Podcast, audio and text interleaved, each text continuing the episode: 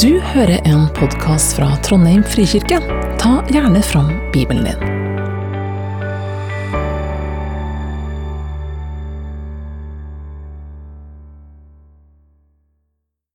Slik står det skrevet. Messias skal lide og stå opp fra de døde tredje dag. Og i hans navn skal omvendelse og tilgivelse for syndene forkynnes for alle folkeslag. Dere skal begynne i Jerusalem. Dere er vitner om dette, og se, jeg sender over dere det som min far har lovet.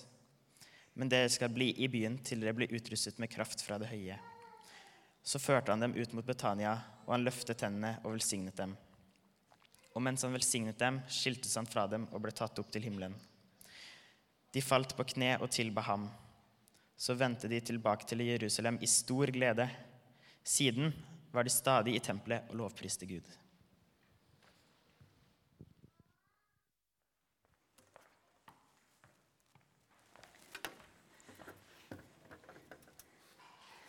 Tusen takk, Jakob. Eh, jeg ble veldig spent på hva som skjedde med powerpointen, for den der fonten der kjenner ikke jeg igjen i det hele tatt. Så det blir spennende. Eh, vi nærmer oss raskt den dagen i året som vi kaller Kristi himmelfartsdag, og som er en herlig fridag for mange. Den er 40 dager etter påske og 10 dager før pinse. Og denne teksten som Jakob leste fra Lukas 24, det er en av flere som beskriver hva som skjedde den dagen.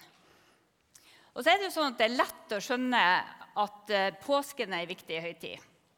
Den er verdt å feire. sant? Oppstandelsen det er en historisk hendelse som forandra liv, eh, livshistorien, eh, verdenshistorien, eh, tidsregninga, og som har forandra livet til mange av oss. Og så er det lett å skjønne at pinsen eh, er verdt å feire. For da kom Den hellige ånd som en gave fra Gud til hver den som tror på Jesus. Og Pinsen kalles for kirkens fødselsdag. Men hvorfor, hvorfor Hvorfor skal vi feire den dagen da Jesus forlot jorda? Hva er det som skjer eh, på Kristi himmelfartsdag? Og Her kunne jeg gjort ei teologisk utredning, sånn som Ingebrigt gjorde på konfirmasjonsgudstjenesten i 2019. Husker dere den? Kan gå tilbake og høre. Eh, men jeg skal ikke bruke tida på det i dag. Jeg skal ta en kortversjon og så skal jeg snakke om hva det betyr for oss. Men først, hva skjer den dagen? Jesus blir tatt opp til himmelen i en sky mens disiplene ser på. Og Av andre tekster så vet vi at han tar plass ved Faderens høyre hånd, sånn som han hadde sagt. Sånn som profetene hadde sagt, og sånn som han hadde sagt. Men det siste han gjør før han blir tatt opp til himmelen, det er å gi disiplene sine et oppdrag. De skal være vitner om oppstandelsen. Og leste, Jakob leste i teksten Jesus sa til disiplene, sånn står det skrevet. Kristus skal lide og stå opp fra de døde tredje dag. Hvis dere lurer på hvor det står, så står det i Jesaja 53 og i Hosea 6 og flere andre plasser i salmene. Og så står det og i hans navn skal omvendelse og tilgivelse forkynnes. Tilgivelse for syndene forkynnes for alle folkeslag. Dere skal begynne i Jerusalem. Dere er vitner om det. Å være vitne det betyr jo at du har sett det. Sant? Du skal fortelle noen om noe du har sett. Så de skal fortelle at Jesus lever. Og Det er bare 40 dager siden de trodde Jesus var død, og alt håp var ute. Jesus har brukt de her 40 dagene på å vise seg og forklare og møte de mest skeptiske, de som syntes det var vanskeligst å tro. Og nå, 40 dager etterpå, så er de alle enige om at Jesus har stått opp igjen. Og nå skal de være vitner om det som har skjedd. Men så gir Jesus dem beskjed om å vente på krafta fra det høye, som Gud hadde lova. Dette er det av Den hellige ånd som skulle komme til hver enkelt av dem med kraft. Og Jesus hadde sagt at eh, når Den hellige ånd kom, så kom han til å gi dem de ordene de trengte for å fortelle om ham. De skulle ikke bekymre seg for hva de skulle si, for Ånden skulle hjelpe dem og lede dem og gi dem ordene Husker vi det? Jeg glemmer det ofte, at Den hellige ånd kan gi oss ordene. Eh, og så I vers 50 så står det da at han førte dem ut mot Betania. Så løftet han hendene sine og velsigna dem. Og mens han velsigna dem, skiltes han fra dem og ble tatt opp til himmelen. De falt på kne og tilba han og vendte så tilbake til Jerusalem i stor glede. Siden var de stadig i tempelet og lovpriste Gud. Jeg ville tenkt at Hvis jeg hadde vært der, så ville jeg ha vært lei meg for at Jesus dro.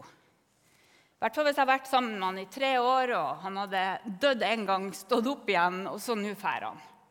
Jeg hadde følt meg litt sånn overrumpla av det, tror jeg. Men det er stor glede som fyller dem. For nå går de tilbake til byen, og så venter de med håp. Sist var det håpløst. Nå er det håp. De venter på krafta fra det høye. Så vet vi veldig lite annet om de her ti neste dagene mellom Kristi himmelfart og pinse. Men vi vet at de var sammen, og at de lovpriste Gud. Kanskje de leste de her skriftene fra det vi kaller Det gamle testamentet. Kanskje de gleda seg til å komme i gang med oppdraget Jeg tipper at Peter var ganske ivrig. Jeg tror han tyvstarta på den talen som han kommer til å holde snart. Men kanskje svingte både følelsene og tålmodigheten for å vente på noe som skal skje, uten å vite når det skjer, er slitsomt. Det vet alle som har venta på svar på en søknad, eller som har gått over termin med en baby og tenker at hvis det ikke blir i dag, så blir det i hvert fall i morgen. Så jeg tror de må ha det litt sånn de her dagene. Jesus sa det var snart, men han har jo, han har jo eh, ikke noe godt track, track, record på å si nøyaktig. Sant? Snart for Jesus, det kan jo være 2000 år. Vi vet ikke. Men han sa det var snart. Og alle forventningene ble innfridd da ånden kom på pinsedagen. Helge skal snakke mer om det om to uker, men kortversjonen av pinsen er at Jesus kommer for å bo i oss ved sin Hellige Ånd.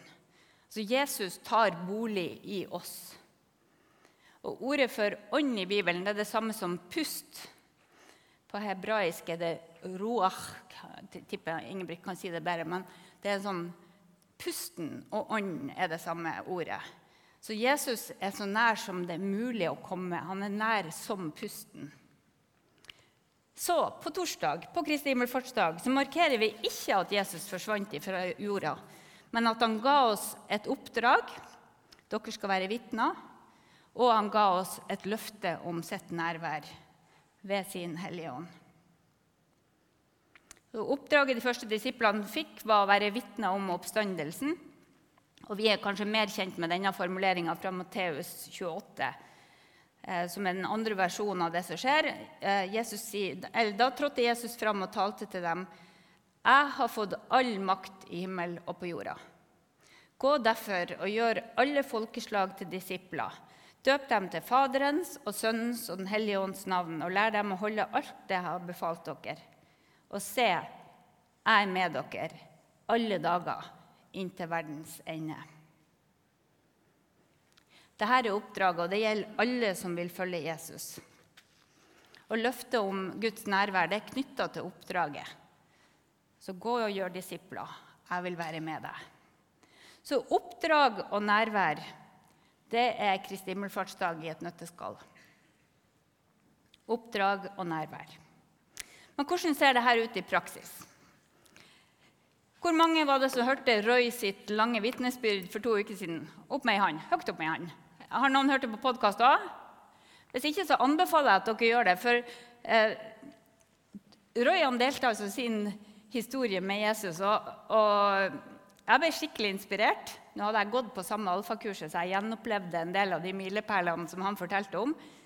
Men det å høre noen andre sin troshistorie er i hvert fall godt for meg. Og En av de tingene som Roy eh, minner meg om, det var det at vi må sette Jesus på kalenderen. Det var det han gjorde når han meldte seg på alfakurs. For han sa at jeg har det travelt med mange ting, jeg må sette Jesus på kalenderen, for da eh, kan han vise meg ting, og da har jeg forventning om at noe skjer.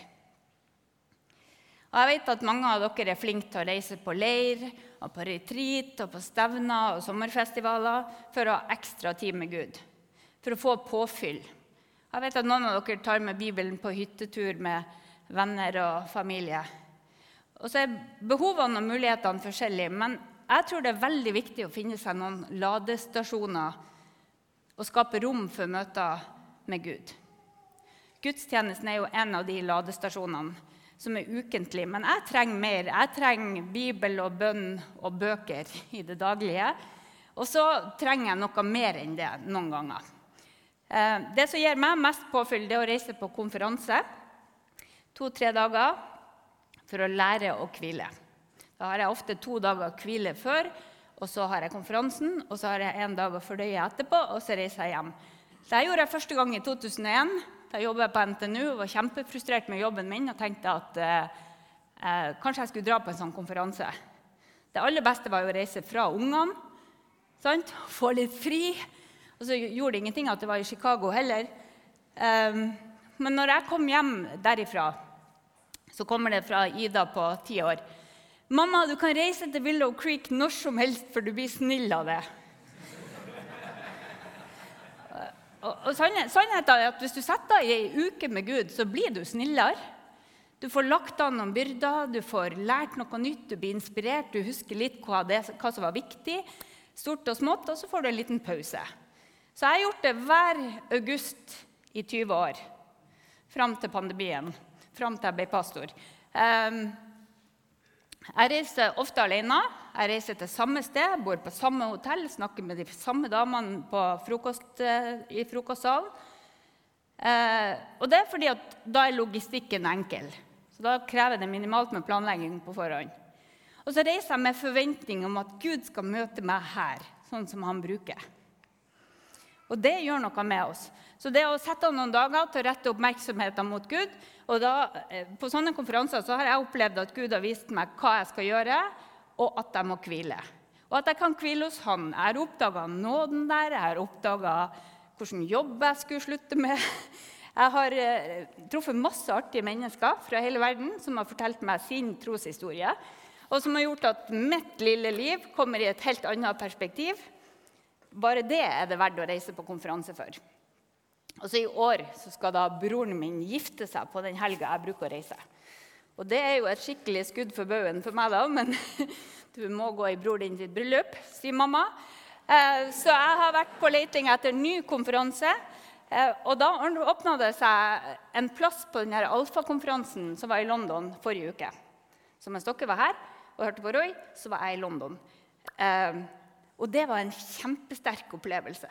Hvis du noen gang får sjansen til å dra på alfakonferanse i London, så gjør det.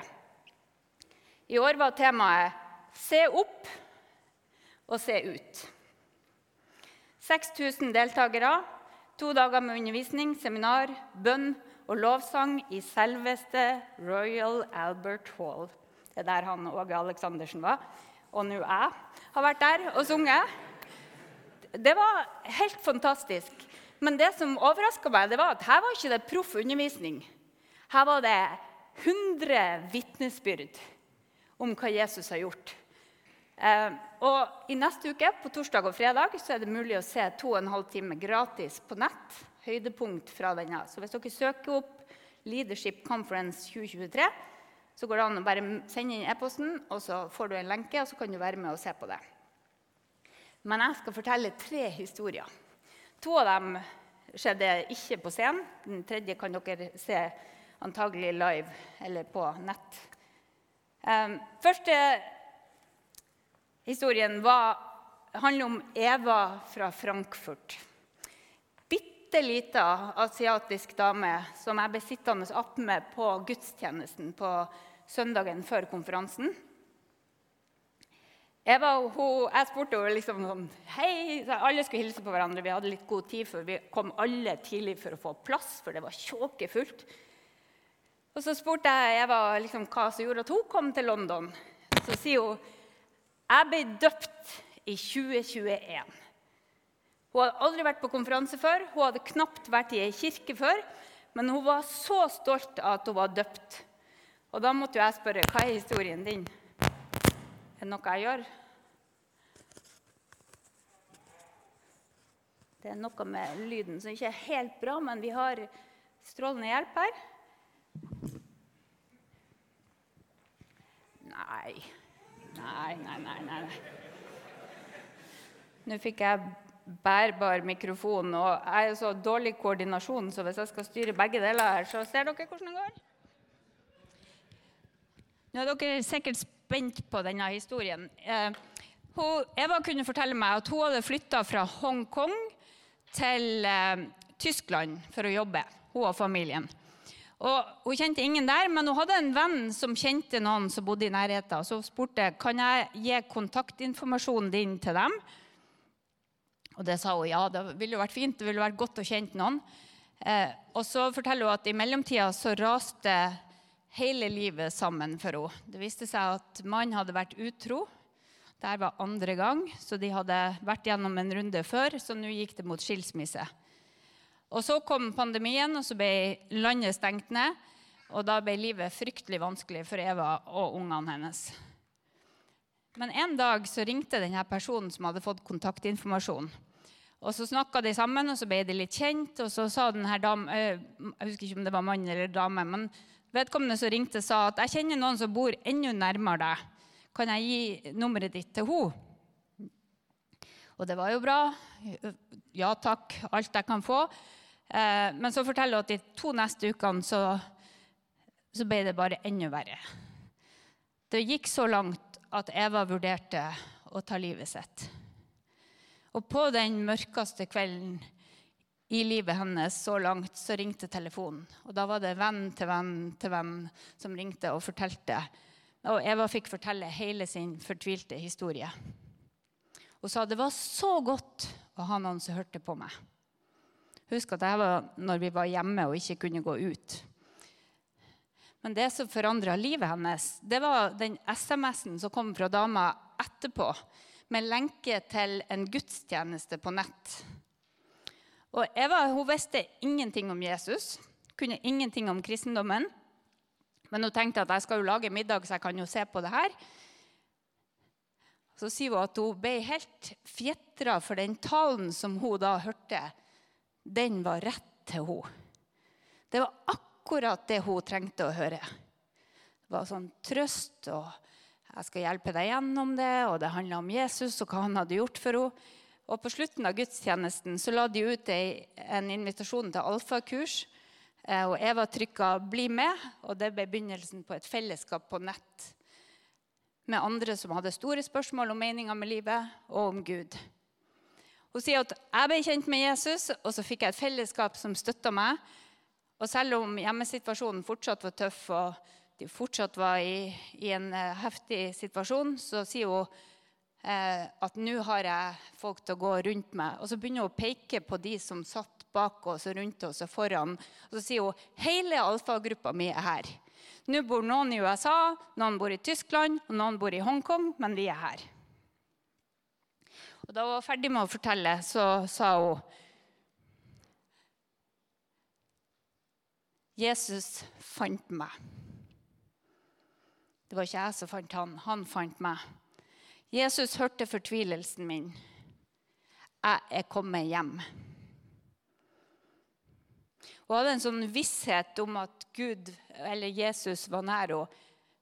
Og Det kunne virke så tilfeldig med de her folkene som hadde ringt henne seks, syv, åtte uker og så et par uker. Og så sier hun at jeg er overbevist om at Gud minner de om å ringe akkurat når jeg trengte det.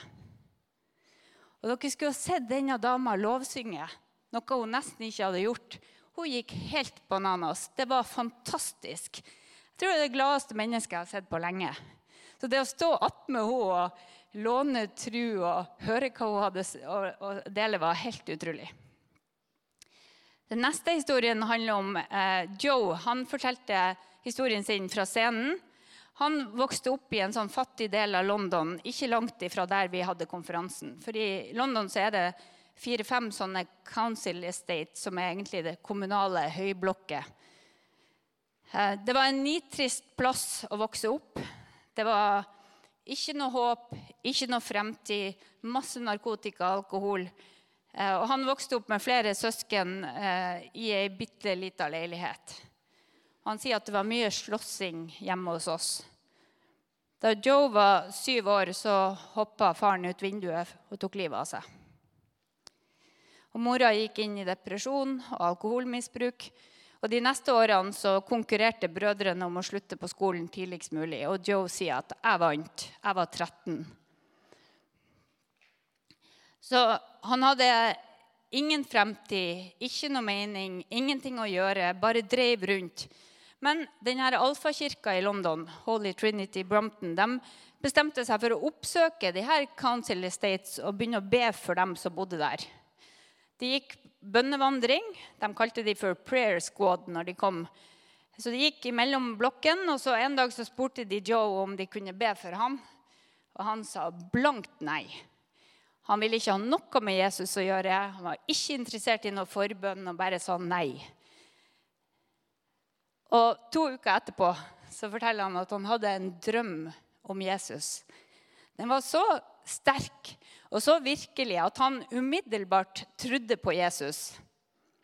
Og Da bønnegjengen kom tilbake neste gang, så springer han fram til dem og sier, 'Fortell meg om Jesus. Jeg tror på han, men hvem er han?' Jeg tror på han, men hvem er han? Tenk dere det. Jeg tipper at de ba. Men altså, her er en som ikke ville ha noe med det å gjøre, og så er Jesus der i en drøm. I dag er Joe pastor i HTB. De har laga et eget sånn kursopplegg for de som ikke har noe utdanning. Eh, og han eh, leder nå ei menighet som møtes i en gammel katedral rett ved en sånn bydel som han vokste opp i. Han Joe han sa Gud ga meg håp og liv.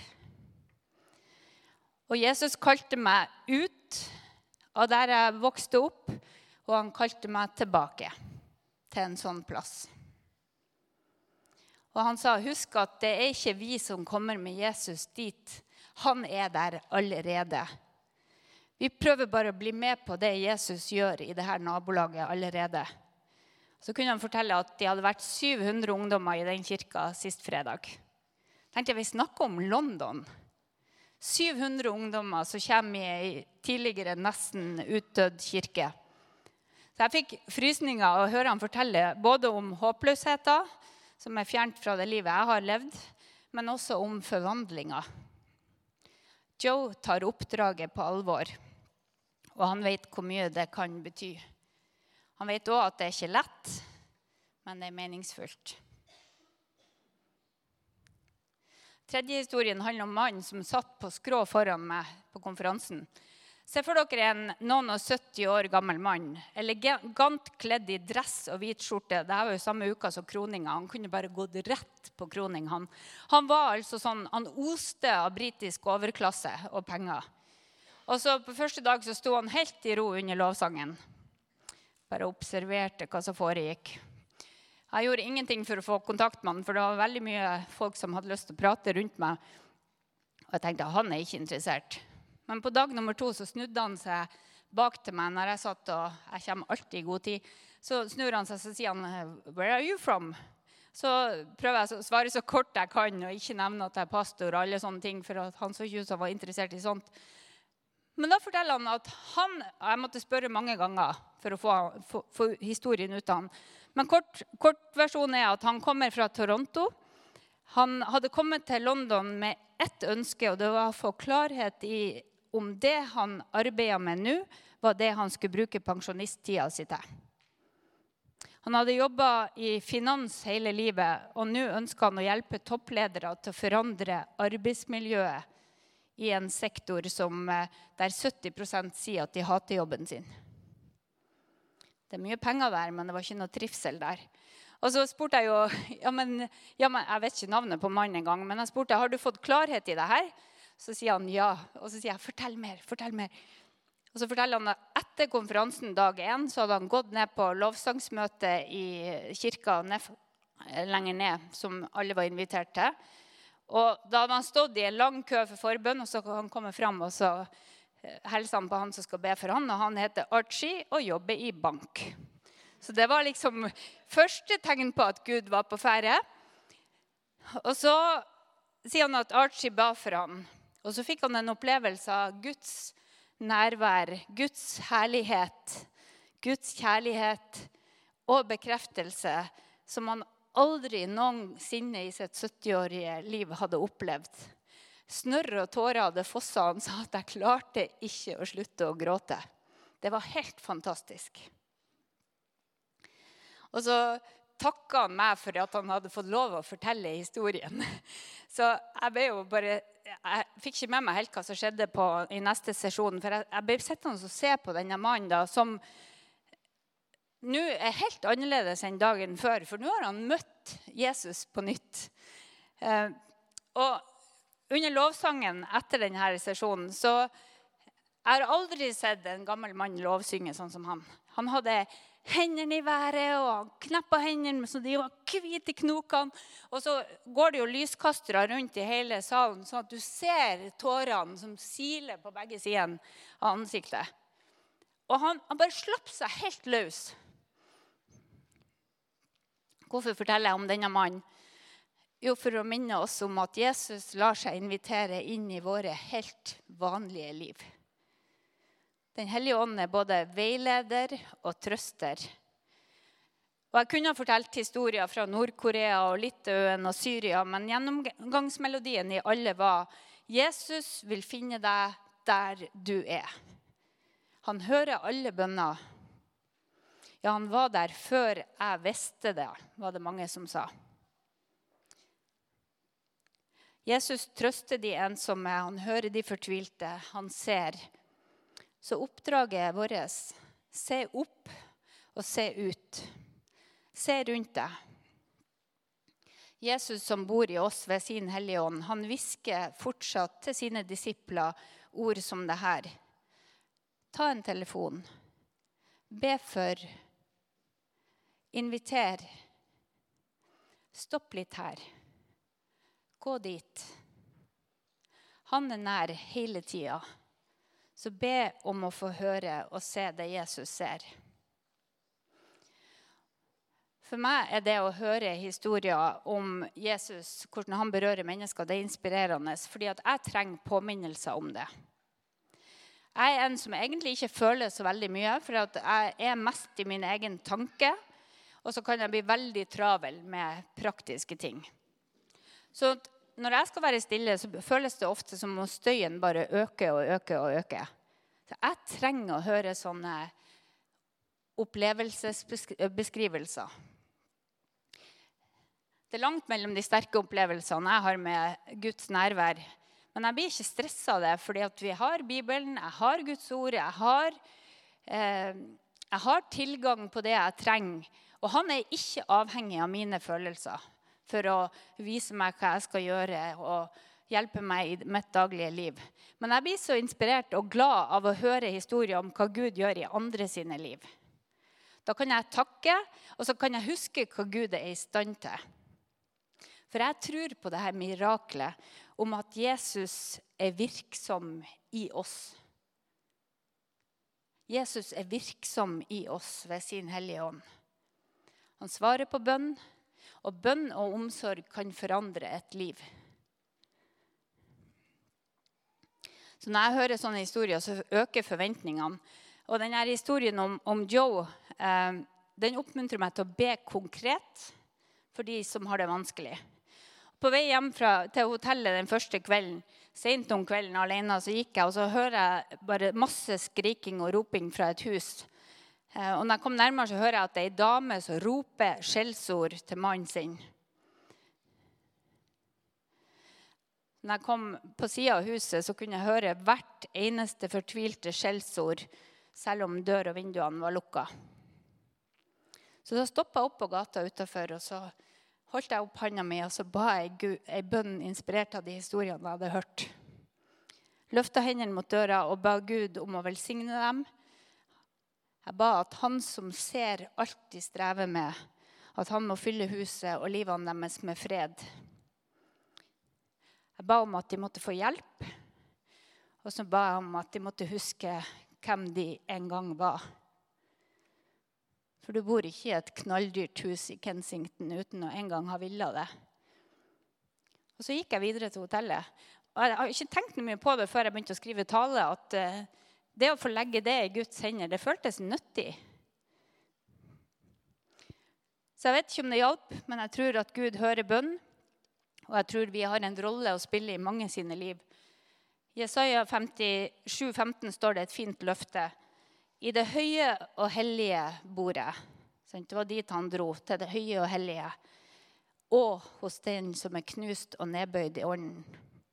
Jeg vil gi ånden liv hos dem som er bøyd ned, og gi hjerteliv hos dem som er knust.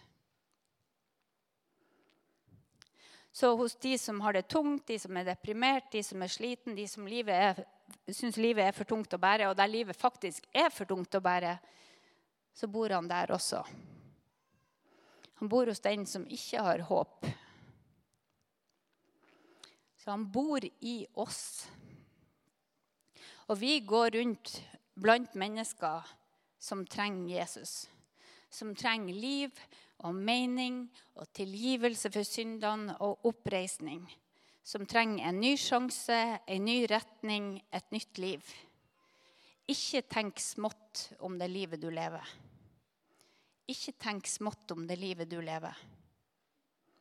For du kan være et vitne om Jesus der du tilbringer dine hverdager. Du må ikke bli pastor for å gjøre det her. Skjønner dere? For vi vitner ikke om våre mer eller mindre vellykka liv eller hvor, hvor flinke vi er. Vi vitner om Jesus Kristus som fortsatt finner mennesker og frelse. Han ga oss et oppdrag, og så lover han oss sitt nærvær. Og Her kunne jeg ha slutta talen, men jeg vet at dette er lettere å snakke om enn å gjøre. Og kanskje du har fått litt dårlig samvittighet mens du hørte på meg. Og det var overhodet ikke meninga. Men jeg vet at alt som minner oss om evangelisering, kan trigge dårlig samvittighet eller vekke minner. Ikke minst hvis du har folk som gjerne vil tro og ikke får det til, eller som du gjerne skulle ønske trodde, men de, de gjør det ikke ennå. Men la oss stoppe litt og høre hva Jesus vil si til oss i dag. Kanskje du trenger litt hjelp. Kanskje du trenger å erfare Guds nærvær på nytt. Kanskje du trenger å kjenne denne krafta, at den er virkelig i ditt liv. Eller kanskje du trenger hjelp til å ta et valg. Uansett hva du tenker på, så skal vi ta litt tid sammen og så skal vi be for hverandre. Kan ikke dere stå hvis dere er friske nok til det? Så skal vi være litt i stillhet og bønn. For noen er dette litt rart, for andre så er det helt normalt. Men i stillheten så kan vi oppleve at vi får tanker, ord og bilder som kan hjelpe deg eller noen andre. Kanskje Den hellige ånd vil minne deg om noe. Han er her. Han er nær som pusten. Så pust, pust. Så er vi stille litt. Grann.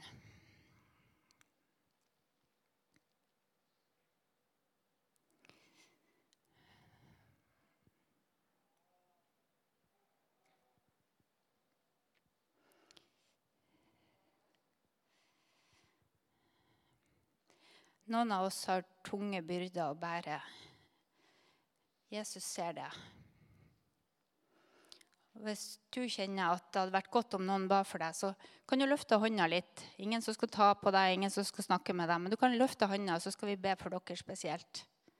Og dere som står rundt noen med hånda oppe, kan be stille for dem. Har du tungt å bære, så rekk opp ei hånd.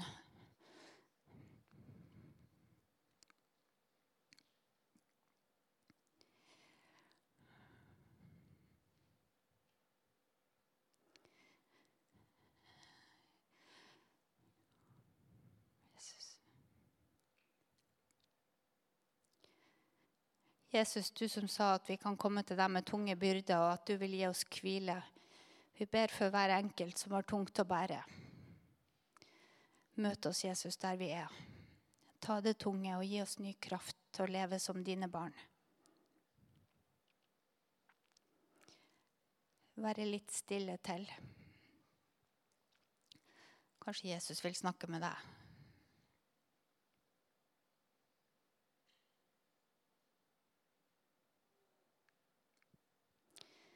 Kanskje du trenger frimodighet til å dele tru. Skal vi be ei bønn for dere som kjenner at dere trenger det?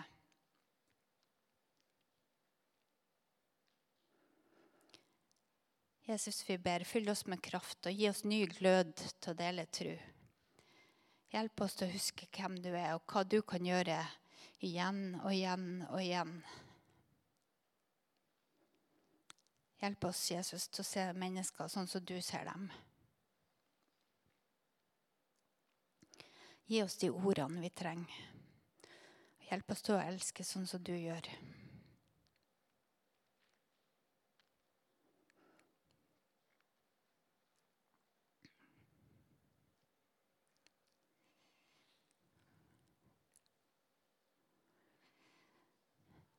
Kanskje noen står overfor et vanskelig valg og trenger råd og bekreftelse fra Gud, sånn som han mannen fra Canada. La oss invitere Den hellige ånd inn for å vise vei i vårt liv.